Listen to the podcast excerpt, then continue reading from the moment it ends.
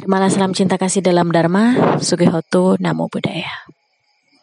Oke, sebelum kita belajar dan mendengarkan rekaman ini, marilah kita awali dengan membacakan nama Karapata secara masing-masing di rumah. Arahang sama sang budo bagawa budang bagawantang abiwademi swakato bagawata damo damang namasami supadik pano bagawato sawakasangho sanghang namami. Sabi sata bawantus kitata semoga semua makhluk hidup berbahagia. Oke okay, uh, eh, Semoga kalian di rumah baik-baik saja, selalu sehat. Jangan lupa selalu berdoa.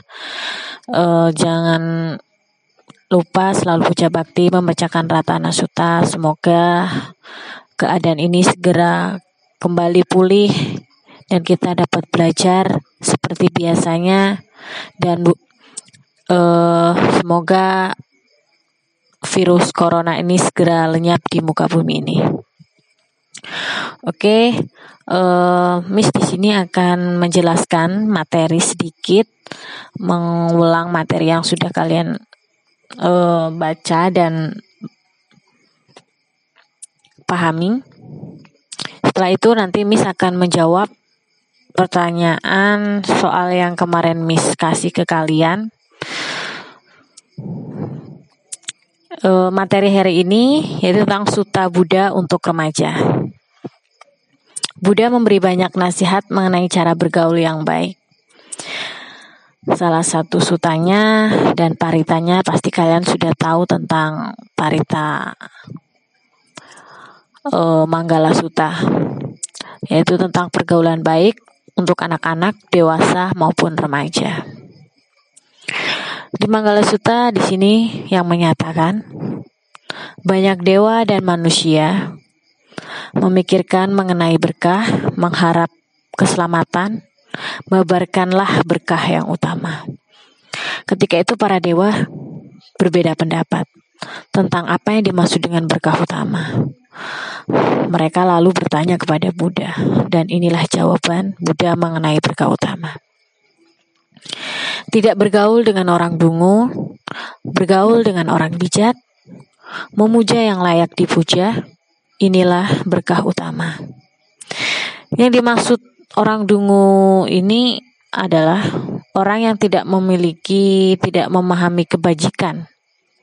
Orang yang dungu adalah orang yang melakukan kejahatan atau keburukan. Janganlah berteman dengan orang-orang yang seperti ini. Bergaulah dengan teman-teman yang bijak, yang juga akan membuatmu menjadi bijak. Apakah lantas kita harus memusuhi teman-teman yang tidak bijak? Bukankah begitu? Sama saja dengan pilih kasih dengan berteman. Kita tetap harus bisa eh, bersikap baik dengan teman-teman yang menurutmu kurang bijak atau suka berbuat buruk. Namun, jangan terlalu akrab karena bisa saja tanpa kita sadari kita akan ikut-ikutan melakukan perbuatan buruk seperti yang mereka lakukan. Atau jika kamu merasa kasihan kepada teman-teman yang kelakuannya kurang baik dan kamu ingin mencoba memengaruhi mereka menjadi baik, kamu boleh saja melakukannya. Namun kamu benar-benar harus berhati-hati dengan berpegang teguh pada kebaikan kamu bahwa kalian tidak akan mengikuti teman-teman kalian yang dianggap kalian kurang bijak. Jika kamu menyadari bahwa dirimu kurang bijak dan sekarang banyak bergaul dengan teman-teman yang kurang bijak, maka kamu harus bisa mulai memperbaiki diri dan mengajak teman-teman lain untuk menjadi lebih bijak. Jika teman lain tidak berkenan, kamu bisa mencari teman baru yang lebih mau menerimamu menjadi bijak, menjadi apa ya? Menjadi bijak tidak berarti menjadi kaku atau menjadi apa ya, terlalu milih-milih gitu tidak. Jadi kamu tetap bisa kalian uh, tetap bisa menjadi remaja yang menyenangkan, banyak teman dan berbuat banyak kebajikan. Buddha juga mengajarkan kita untuk memuja yang layak dipuja, pada usia remaja kayak kalian nih uh, kita biasanya memiliki banyak idola kayak kalian misalnya Farla terus Chris Rio tuh idolanya Korea Korea gitu kan atau penyanyi bintang film atau atlet atau bahkan idola dan ya orang-orang di sekitar kalian lah. Namun pujalah idola yang layak pujalah idola yang positif yang juga melakukan banyak kebajikan. Bagaimana jika Anda penyanyi yang sangat kamu sukai musiknya tapi kelakuannya kurang baik. Kamu tetap bisa menikmati musiknya, namun jangan sampai kamu mencontoh perilakunya atau kelakuannya gitu. Uh, seperti sabda sang Buddha nih, tinggal di tempat yang sesuai, telah membuat jasa pada masa silam, mengarahkan diri dengan benar, inilah berkah utama. Banyak sih kata-kata uh, atau sabda Sang Buddha yang uh, bagus yang bisa kalian petik untuk perubahan diri kalian. Kayak seperti contohnya nih. Berlatih banyak piawai, terlatih baik dalam tata krama, bertutur kata baik, inilah berkah utama. Buddha juga menganjurkan kita untuk belajar banyak menjadi piawai. Piawai artinya ini bisa melakukan sesuatu yang baik dan tepat. Agar menjadi piawai kita bisa menja banyak belajar dan mencari pengalaman. Belajar yang banyak dan jangan berhenti belajar. Belajar tidak berarti hanya belajar, belajar, belajar di sekolah. Tapi banyaklah belajar mengenai apa saja dalam kehidupan ini namun jangan belajar cara menjadi buruk. Jadi belajarnya yang baik-baik. Memiliki tata krama yang baik dalam perbuatan dan perkataan, memiliki tata krama baik tidak berarti lantas kamu tidak boleh melakukan apa pun karena takut salah dan dianggap tak sopan. Orang yang memiliki tata krama baik adalah orang yang ramah, namun juga bersahabat dan menyenangkan. Siapalah orang yang kamu temui, terutama yang lebih tua darimu. Tersenyumlah ketika bertemu orang lain. Tawarkan bantuan jika melihat orang lain kesusahan. Jalani lima sila di mana pun kamu berada. Udah sering udah sering kalian bacakan lima sila itu apa aja? Sering kalian praktekin mungkin tidak membunuh, tidak mencuri, berbuat asusila, ucap yang tidak benar, minum minuman keras atau makan makanan yang melemahkan kesadaran. Kemudian ada lagi nih, menyongkong ibu dan ayah, menyayangi anak dan istri, bekerja tanpa pertentangan, inilah berkah utama. Jika suatu saat kamu sudah bekerja, sudah sukses, kamu wajib menyongkong ibu dan ayahmu, terutama ketika mereka sudah tua dan tidak bisa mencari nafkah untuk kebutuhan hidup mereka. Jadi, kalau kalian sudah sukses, kalian harus bisa menyongkong kebutuhan orang tua. Saat ini kamu masih sekolah dan belum bisa mencari nafkah, namun nanti kalau udah sukses, kamu bisa menyongkong ibu dan ayah dengan cara belajar yang baik atau membantu uh, kebutuhan keluarga terus nanti suatu saat uh, kalau kamu sudah sukses ya intinya kamu bisa menyongkong lah ya. Terus saat ini emang sih kamu belum bisa mencari nafkah namun kamu bisa kok menyongkong ibu dan ayah dengan cara belajar yang baik untuk saat ini ya.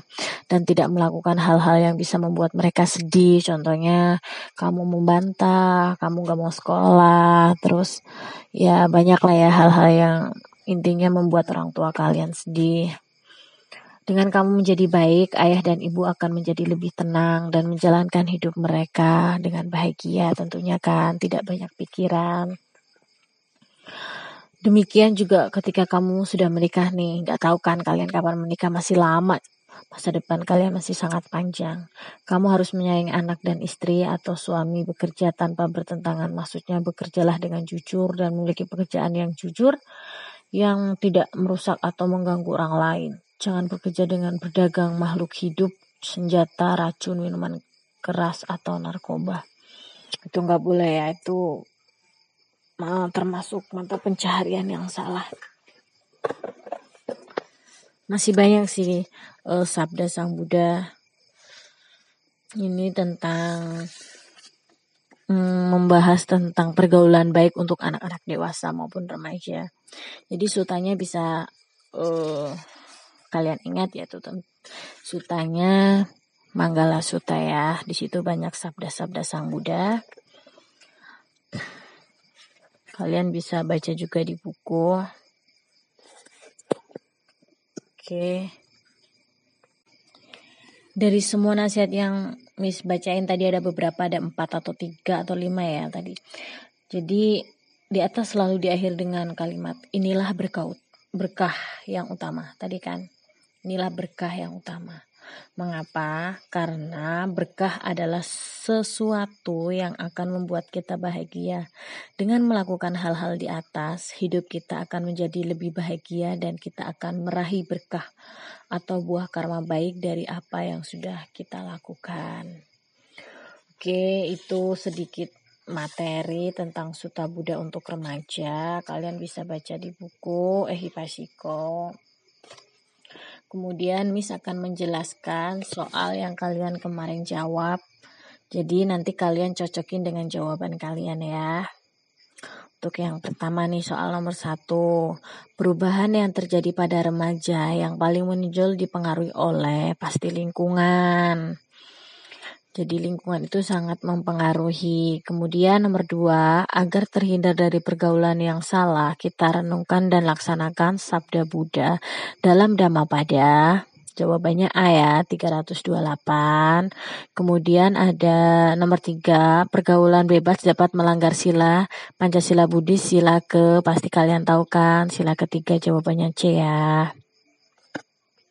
Terus nomor empat, suta yang membahas tentang kemerosotan atau keruntuhan spiritual adalah jawabannya B ya, para bawa suta. Kemudian sahabat yang harus kita miliki adalah sahabat baik. Sahabat baik disebut B kalyanamita. Kalau sahabat buruk itu disebut A kalyanamita ya. Kemudian nomor 6, apa yang dilakukan Buddha pada minggu pertama setelah pencerahan? Jawabannya A, duduk bermeditasi di bawah pohon bodhi. Terus nomor tujuh, Buddha merenungi sebab musabab yang saling bergantungan pada minggu pertama setelah pencerahan. Jadi jawabannya A ya.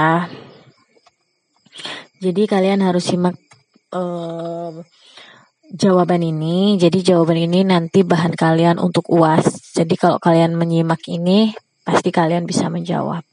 Kemudian pada minggu ketujuh Buddha dilindungi oleh dewa dan Brahma ketika bermeditasi dalam hujan.